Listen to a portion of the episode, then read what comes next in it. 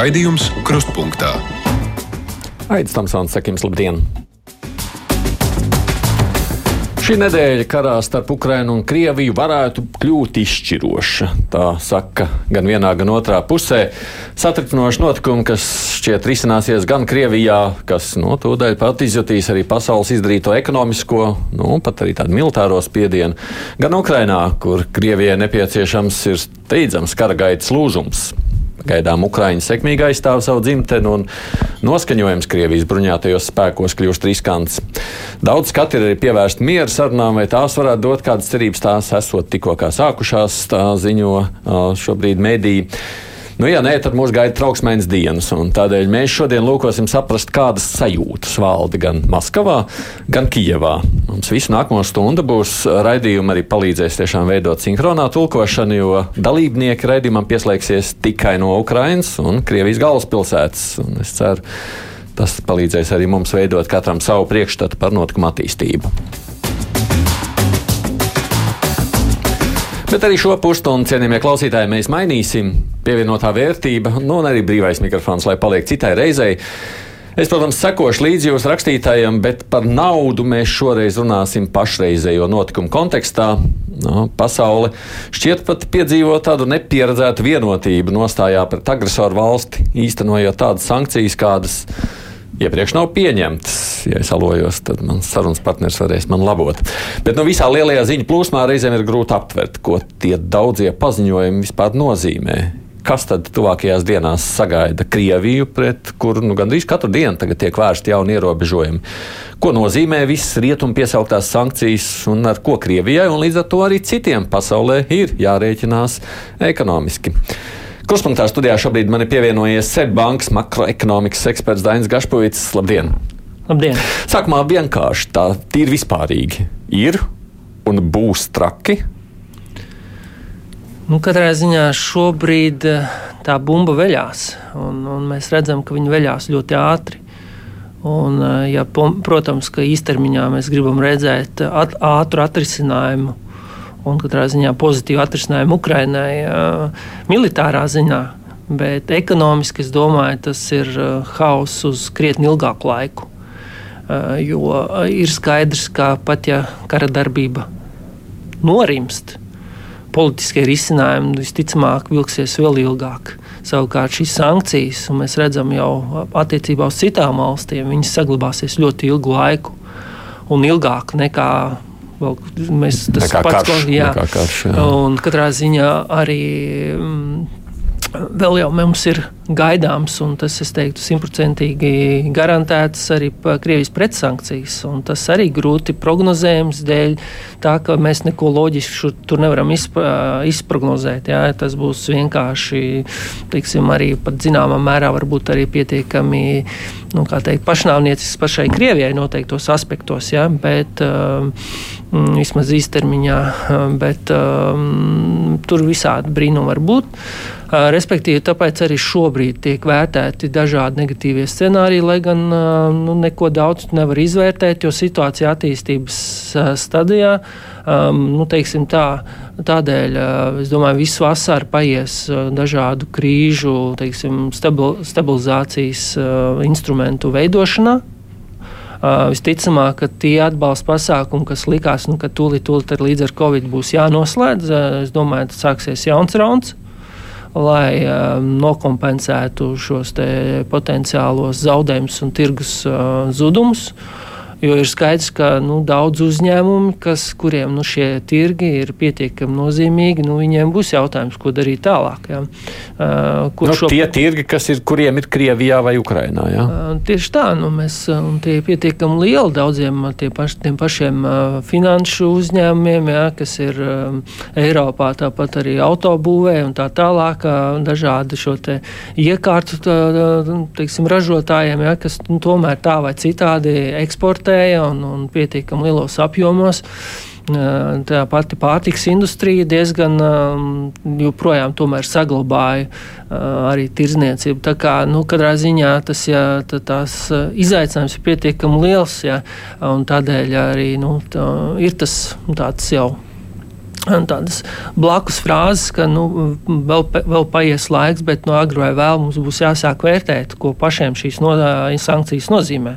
Jo, protams, ka varbūt šobrīd mēs esam dabūjuši to adrenalīnu arī Eiropas līmenī, ka mums esam uh, spē, spējīgi un, un gatavi ieviest šīs sankcijas, bet nu, mums būs agri vai vēl jāsāk domāt, uh, kā risināt tās negatīvās sekas, kas pašiem no tā rodas. Jā. Vai man pareizi liktos, ka Latvija kas jau ir nu, vairāk kārt apzinājusies ar Krieviju, pat varbūt ir mazliet gatavāka tādām uh, situācijām nekā pārējie rietumi Eiropā? Es teiktu, Noteikti, jo tas nav mums pirmais uh, teikt, uh, gājiens no Krievijas puses. Es domāju, bet nu, jautājums ir arī sekojošs cik uh, cieši noslēgsies uh, Krievijas tirgus. Jā. Ja mēs runājam tīri varbūt ne ekonomiski, tikai skatu punktu uh, rubļa vērtības kritums, es pieļauju daudzas nozeres, nu, to spētu kaut kā novadīt. Bet jautājums ir tiešām, uh, vai, nu, teiksim, nu, tā būs, teiksim, arī morāla apsvēruma dēļ, vai būs iespējams tirgoties noteiktos ar šo tirgu. Ja? Arī pat, ja varbūt noteiktas gru, preču grupas nu, netiks sankcionētas. Bet kas mūs glābi tādā ziņā, ka nu, mums ir visi ir šie apjomi krietni mazi. Ja? Nu, mēs eh, eh, nu, tādā ziņā mums ir eh, krietni vienkāršāk to visu pārorientēt uz citiem tirgiem. Ja? Varbūt atsevišķiem produktiem, kur nu, varbūt īsti tās tehnoloģijas neatbilst, ja? kā varbūt atsevišķiem šiem mašīnu būvs uzņēmumiem, kas ražo specifisks teiksim, iekārts, kas rietumos īsti nav pieprasīti. Ja? Un, teiksim, nav arī tāda arī mums ir. Ja? Jā, nu, kas, kas diezgan. Uh, diezgan aktīvi tirgojas, piemēram, Krievijā, un sadarbojas arī, kuriem ir šie te, akcionāri no Krievijas. Ja. Nu, tur paliek jautājums, jā, kā, kā iespējas kādas iespējas tur vispār paliks. Ja? Un, ja mēs, protams, varam runāt tīri, ka varbūt skatoties atsevišķi pa produktiem, kur pielāgošanās var notikt diezgan veiksmīgi, nu, jāreikinās, ka tā visa, kas, kaut kādā mērā skars eh, tirzniecību, iekļauj arī Baltkrieviju, arī Ukraiņu. Ukraiņa šobrīd, protams, ir eh, kara stāvoklī. Tur jau arī šī tirzniecība būs ļoti nosacīta. Ja.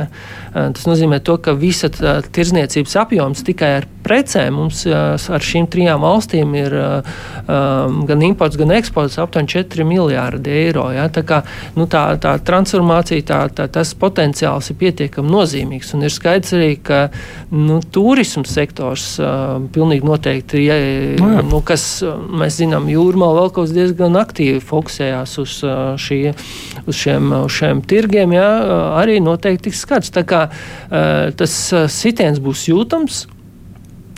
Bet nu, katrā ziņā atkal, līdzīgi kā Covid, noteikti tiks gatavot dažādi atbalsta un stimulēšanas pasākumi, lai šī, šo ietekmi mazinātu. Nu, kas, kas arī varētu nozīmēt to, ka nu, mēs varam izvairīties no tādas. Nu, teiksim, tādas vispārējas krīzes, bet noteikti būs uzņēmumi un sektori, kam, kam, kam šī lieta būs pietiekami nu, teiksim, sarežģīta. Tagad tālāk turpinām runāt par situāciju savukārt pašā Krievijā. Es arī gribu pie reizes vienkārši uzreiz izmantojot iespēju, ka mums viņš ir sazvanīts, sasveicināties ar Rīgas Traģiņu universitātes pasniedzēju un ekonomiskās antropoloģijas pētnieku Andru Šuvajevu. Šuvajevu kungs, labdien! Es gribētu, ka jūs paralēli, es jūs neredzu, tāpēc, ja kādā brīdī jums ir kaut kas sakāms, jūs droši jaucaties iekšā, jo Dainis savukārt redz un viņa seju var nolasīt, kurā brīdī viņš ir gatavs kaut ko minēt. Bet, Daini, runājot vispirms par jums un tām rindām, ko mēs, uh, Andri, piedodiet, ar tām rindām, ko mēs redzam šobrīd, jā, tajā, uh, nu, nezinu, sociālos tīklos, kas notiek Krievijā pie bankomātiem, aizslēgto biržu, šķiet nespēju vairs īsti dabūt dolārus un eiro. Par ko tas liecina? Tā ir tāda neizbēgamība, vai tur ir iestājies arī tāds kā jau nu, panisks noskaņojums? Noteikti panisks noskaņojums, bet nu, jāsaprot, ka kopumā tā ir reakcija uz, uz attiecīgi sankcijām pret Krievijas centrālo banku, kas, tā, kas tātad tika ievieta šie, šīs nedēļas nogulē, kas ir jāsaka, ka diezgan, diezgan negaidīts, varbūt jau ne negaidīts, tad noteikti ļoti, ļoti spēcīgas sankcijas, sankciju forma, centrālā, centrālā banka politika faktiski ir padarīta par ieroci. Un, un tas, ko tas vienkārši būtiski nozīmē savā būtībā, ir, ka Putins bija gatavs, protams, pirmajiem sankciju viļņiem. Viņš ilgāku pēdējo gadu laikā bija ar centrālās bankas palīdzību uzkrājis pietiekami lielas rezerves, lai varētu mīkstināt šo rubļa vērtības krišanu. Uh, šīs rezerves, kas centrālajai bankai, Krievijas centrālajai bankai bija, ir iesaldēts, kas nozīmē, ka centrālā banka saskarās ar fundamentālām grūtībām mīkstināt šo rubļa vērtības krišanu, vēl vairāk patiesībā to palielinot. Un tas, ko tas nozīmē, ir tas, ka Krievijas ekonomikai importa preces kļūst aizvien dārgākas, un Krievijas ekonomika ir um, kā jebkura droši vien moderna ekonomika mūsdienās, fundamentāli atkarīga no importa precēm. Gan ražošanā, gan arī mājasaimniecību un lauksaimniecības līmenī. Un šajā brīdī mēs tiešām saskaramies ar potenciālu hiperinflāciju draudu, un mēs to redzējām šajā brīdī. Šorīt rubļu vērtība kritās jau gan rīt par 30% pret dolāru, kas ir vēsturiski zemākā rubļa vērtība pret dolāru. Nu, tas ir tikai oficiālais, bet tas jau ir tikai oficiālais, tāpēc, ka tad, kad mēs skatāmies šobrīd sociālajos tīklos, tur ziņo, ka, ja grib nopirkt dolāru, piemēram, Novisibirskā jau šobrīd piedāvājot par 250 rubļiem. Tik tiešām, jā, un, un mēs arī saņēmām pirmās ziņas jau par, par Krievijas lielākās bankas, Sberbanka meitas uzņēmumu iespējamo maksāt nespēju no trim Eiropas valstīm.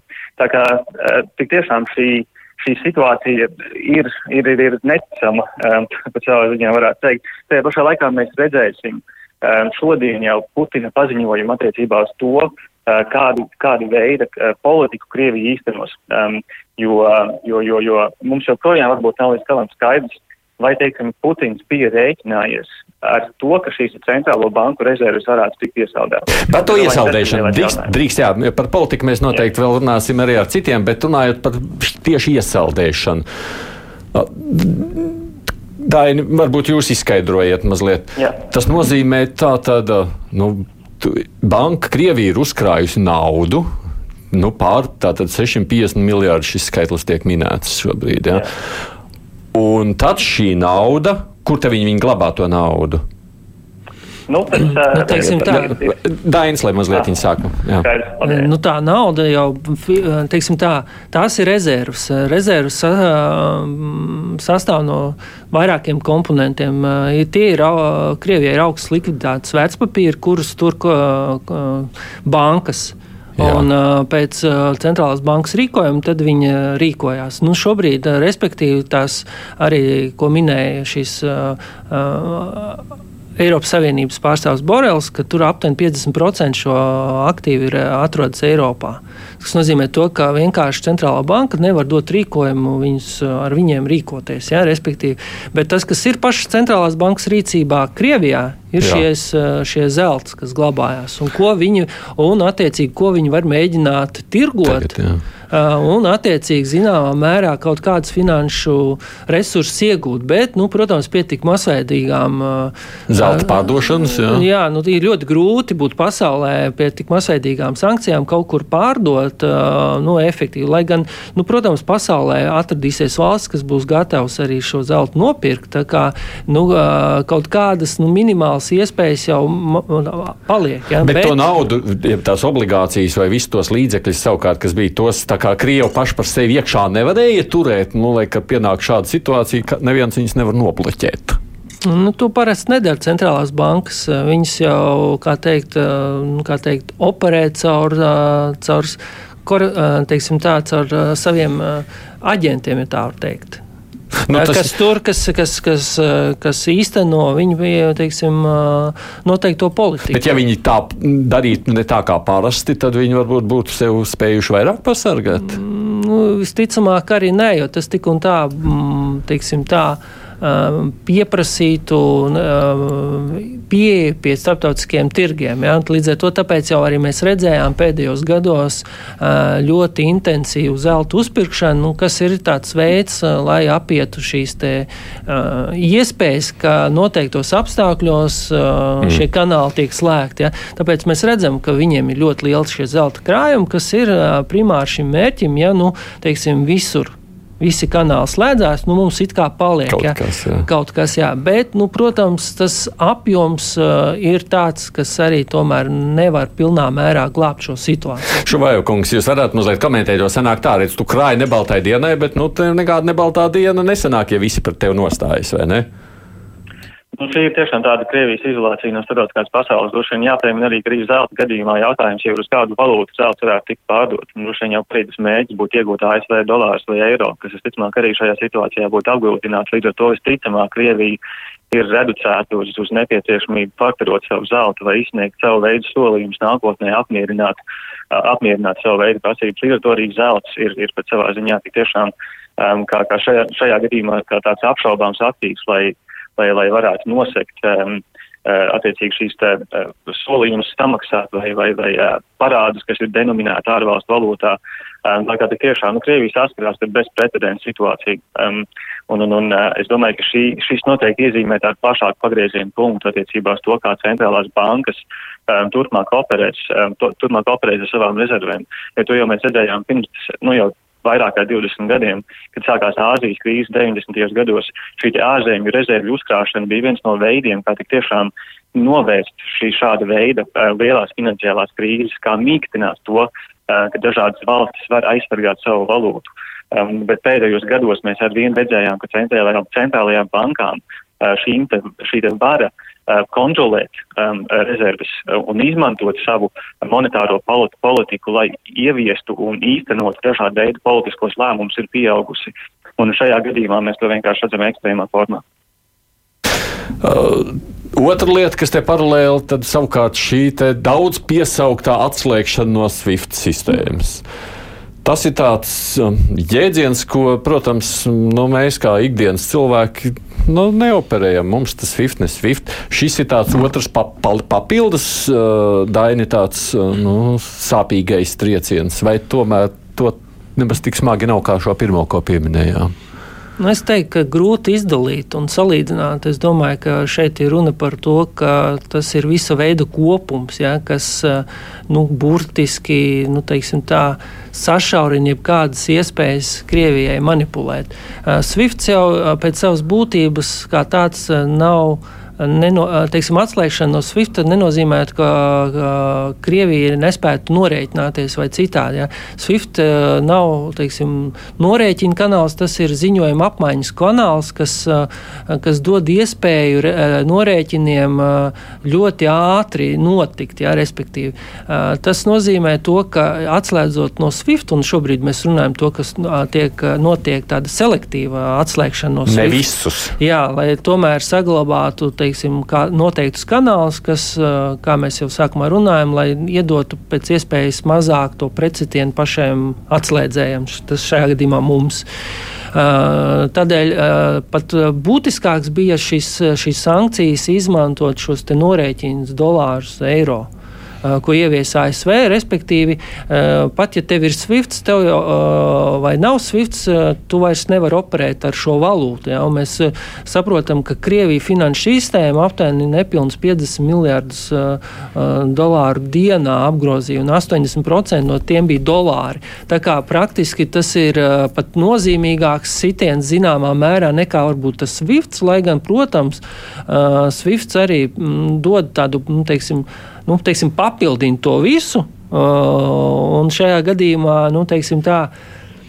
Uh, pastiprina visu to kopumu, kas jau tiek ieviests uh, un tiks ieviests. Ja? Uh, jo es domāju, neviens no šiem uh, risinājumiem nu, pilnā mērā, nu, teiksim, nu, teiksim tā, tas būtu tāds, uh, nu, teiksim, teiksim, tāds noteikts uh, e efekts, bet katrā ziņā viņš papildina viens otru. Mm. Ja, līdz ar to uh, ir skaidrs, ka nu, ekonomika uh, agrāk vai vēl arī nostāsies līdz zināmam līmenim un funkcionēs arī bez visiem ši, šiem rīkiem, bet ir skaidrs, ka tas būs pilnīgi cits un uh, citiem vārdiem krietni zemāks līmenis un krietni zemāka aktivitāte. Uh. Andri, kā jūs vērtējat šos pārējos ziņas, kas nāk runājot par sankcijām? Nu, attiecībā uz SWIFT es, es lielā mērā piekrītu. Te, tad, tad droši vien lielākā daļa iedzīvotāji pēkšņi iegūst jaunu zināšanu par, teiksim, to finanšu, finanšu infrastruktūru. un, un, un SWIFT ir būtībā tīri, ja uztveram kā komunikāciju par maksājumiem, nevis, nevis pašu maksājumu sistēmu, bet ir jāsaprot, ka ka, ka SWIFT lielā mērā attiecās uz starptautiskiem darījumiem. Un, un ja ierasti mēs, teiksim, skatītos uz šādu veidu valūtas krišanu, kādu rubu šodien pieredz, kā pozitīva ziņa, teiksim, eksportējošiem uzņēmumiem, ka pēkšņi viņu, viņu saražotā produkcija kļūst lētāk pārējai pasaulē, tad, tad jāskatās, ka SWIFT ir tomēr sistēma, ko izmanto tomēr pasaules lielākās bankas un, un ar šīm bankām, bankām saistītie uzņēmumi. Līdz ar to viņiem tās, tās maiņas attiecības ar Krieviju kļūst aizvien apgrūtinošākas, kas nozīmē, ka arī šāda veida eksporta sektors Krievijai var ciest. Te, nu, protams, ir, ir, ir jāskatās, kā Krievija reaģēs uz šo, jo viens no iemesliem, kāpēc tik ilgi vilcinājās par svītu atslēgšanu, um, bija saistīts attiecīgi ar naftu un ar dabas gāzi, ko Krievija eksportē, un kā tas ietekmēs šīs te, šo te resursu pārdošanu. Es domāju, ka šodien mēs redzēsim atbildi uz to, um, kam, kas, kas bija droši vien iezīmēs tās nākamās iespējamās pretēcības. Ko mēs šodien redzēsim, kādā veidā? Uh, nu, tieši pirms zvana es, es redzēju vienkārši ziņu par to, ka Putins plāno uh, paziņojumu un, un plāno tikšanos attiecīgi ar centrālo banku un ar bankām, um, jo, jo, tā, jo tās sankcijas ir, um, vismaz kā Krievijas puse arī saka, skāruši e ekonomiku fundamentālā veidā, um, lai arī viņi ir bijuši gatavi sankcijām, tomēr laikam netik lielā apmērā. Um, kas vienkārši nozīmē to, ka, ka viņa stratēģija visticamāk arī mainīsies šajā brīdī. Ko var izdarīt šajā brīdī, lūk, runājot savukārt par soļiem, ko Krievija var spērt? Nu, ierasti šādos gadījumos, ja es ātri pārbaudu, droši vien dāņi pat papildināt vēl labāk, ir divi soļi, ko centrālā banka var darīt, lai aizsargātu valūtu. Viens ir palielināt procentu līkumus, šādā veidā motivējot cilvēkus uzkrāt savus rubļus un nodrošinot uh, šo te, uh, kompensējot šo te inflāciju. Un otrs ir ieviest kapitāla kontrolas, kas nozīmē sākt kontrolēt to, kā kapitāls vai, vai finanšu resursi plūst iekšā un plūst ārā no valsts, arī šādā veidā cenšoties aizsargāt valūtu. Um, pēdējo 20-30 gadu laikā gan šāda veida risinājumi attiecībā uz kapitāla kontrolēm ir kļuvuši par tādu kā tabū, uh, kā, kā veidu, kas, uh, kas patiesībā ir slikts viņas ekonomika, jo norāda uz tādu kā kredibilitātes uh, zudumu attiecīgās centrālās bankas un ekonomikas struktūrā. Uh, Bet mēs jau šorīt redzējām, ka tas ir tieši tas, ko Krievijas centrālā banka darīja. Viņi dubultoja procentu likmes un jau sāk pieņemt lēmumus, kas atgādina kaut ko līdzīgu kapitāla kontrolēm. Bet attiecībā uz eksportējošiem resursiem, to es vēl nezinu. Es domāju, ka tur, ir, tur vēl ir atvērts jautājums, uz to, kā Krievija reaģēs. Daina, ko vispār var Krievija šobrīd darīt, lai glābtu savu ekonomiku?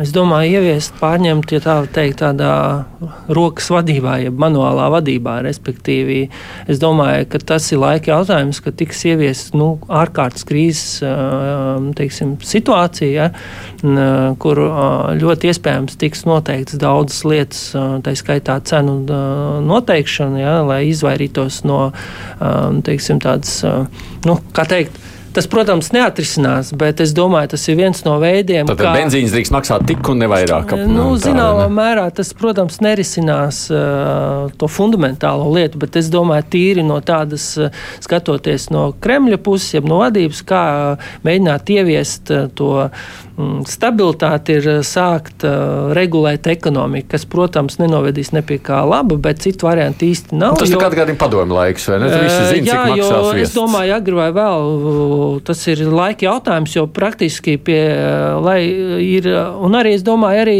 tiks um, zināmā mērā ierobežota uh, iedzīvotāju pieeja finanšu teiksim, pakalpojumiem, tā skaitā iespējas tikt saviem noguldījumiem uh, ārvalstu valūtās, nu, respektīvi ierobežot šo aktivitāti līdz ar, līdzīgi kā mēs šobrīd runājam par šo Krievijas biržu, kas, kas pēc savas būtības arī nav jēgas atslēgt, jo mēs saprotam, kas tur notiks, uh, un līdz ar to, uh, nu, teiksim tā, uh, lai ir ciet un vienkārši šī aktivitāte, ja tā teikt, uh, Nenotiek. Sakot, birža visticamāk tuvākajā laikā neatvērsies. Es domāju, Es, ja man liktu, es drīzāk teiktu, ka nē, jo nav jēgas, jo šobrīd būs panika, un visticamāk, panika būs uh, tādā, ka tas tikai pasliktinās to situāciju. Un es domāju, tas, tas, tas paziņojums varētu būt uh, drīzāk tāds, ka tiek ieviesti noteikti situācija, kas uh, ļauj izdarīt noteiktus uh, teiksim, administratīvus pasākumus, ekonomikas tādu. Tādas, um, tirgus ierob, likuma ierobežošanai. Hmm. Savukārt, runājot par ļaudīm un to spēju ar šo visu sagramot un tikt galā, Šuvaikungs, jūs tomēr arī esat, kā mājas te pieteicis, antropoloģijas pētnieks. Kā tad jūs redzat, kā sabiedrība ar šo spēs sadzīvot? Nu, visticamāk, jau nespēs. Tās sociāla-ekonomiskās sekas no šāda veida procesiem jau lielā mērā paredzams. Mēs redzam un zinām, ka visticamāk palielināsies pārtikas cenas, un tas ir tikai un vienīgi laika jautājums. Mēs redzam, ka visticamāk lielai daļai iedzīvotāji būs pazuduši uzkrājumi, um, inflācijas un potenciāls hiperinflācijas dēļ, un, un šāda veida tādi ekonomiski apstākļi, mēs zinām, pie kā viņi noved. Viņi noved pie cilvēku neapmierinātības, pie protestiem, um, masu bezdarba visticamāk, un tas, protams, nevar, nevar novest ne pie kā laba. Šīs sociāla ekonomiskās sēkas līdz ar to iedzīvotājiem būs aizvien grūtāk panest. Um, tas interesantākais droši vien jautājums ir par to, kāda veida tās politiskās sēkas tam visam būs. Un es domāju, ka arī, protams, šīs politiskās sēkas tiešā veidā ietekmēs tas, kā iedzīvotāji uh, Krievijas pilsētās uh, reaģēs uz notiekošo. Un, un, ja līdz šim protesti ir bijuši um, pret karu Ukrainā, um, tad iespējams, ka šajā brīdī tie protesti arī var sākt pārvērsties ne tik ļoti par uh, pret karu Ukrainā, bet, bet drīzāk pret, um, pret esošo politisko režīmu. Ir skaidrs, ka rietumos daudz uz to cer.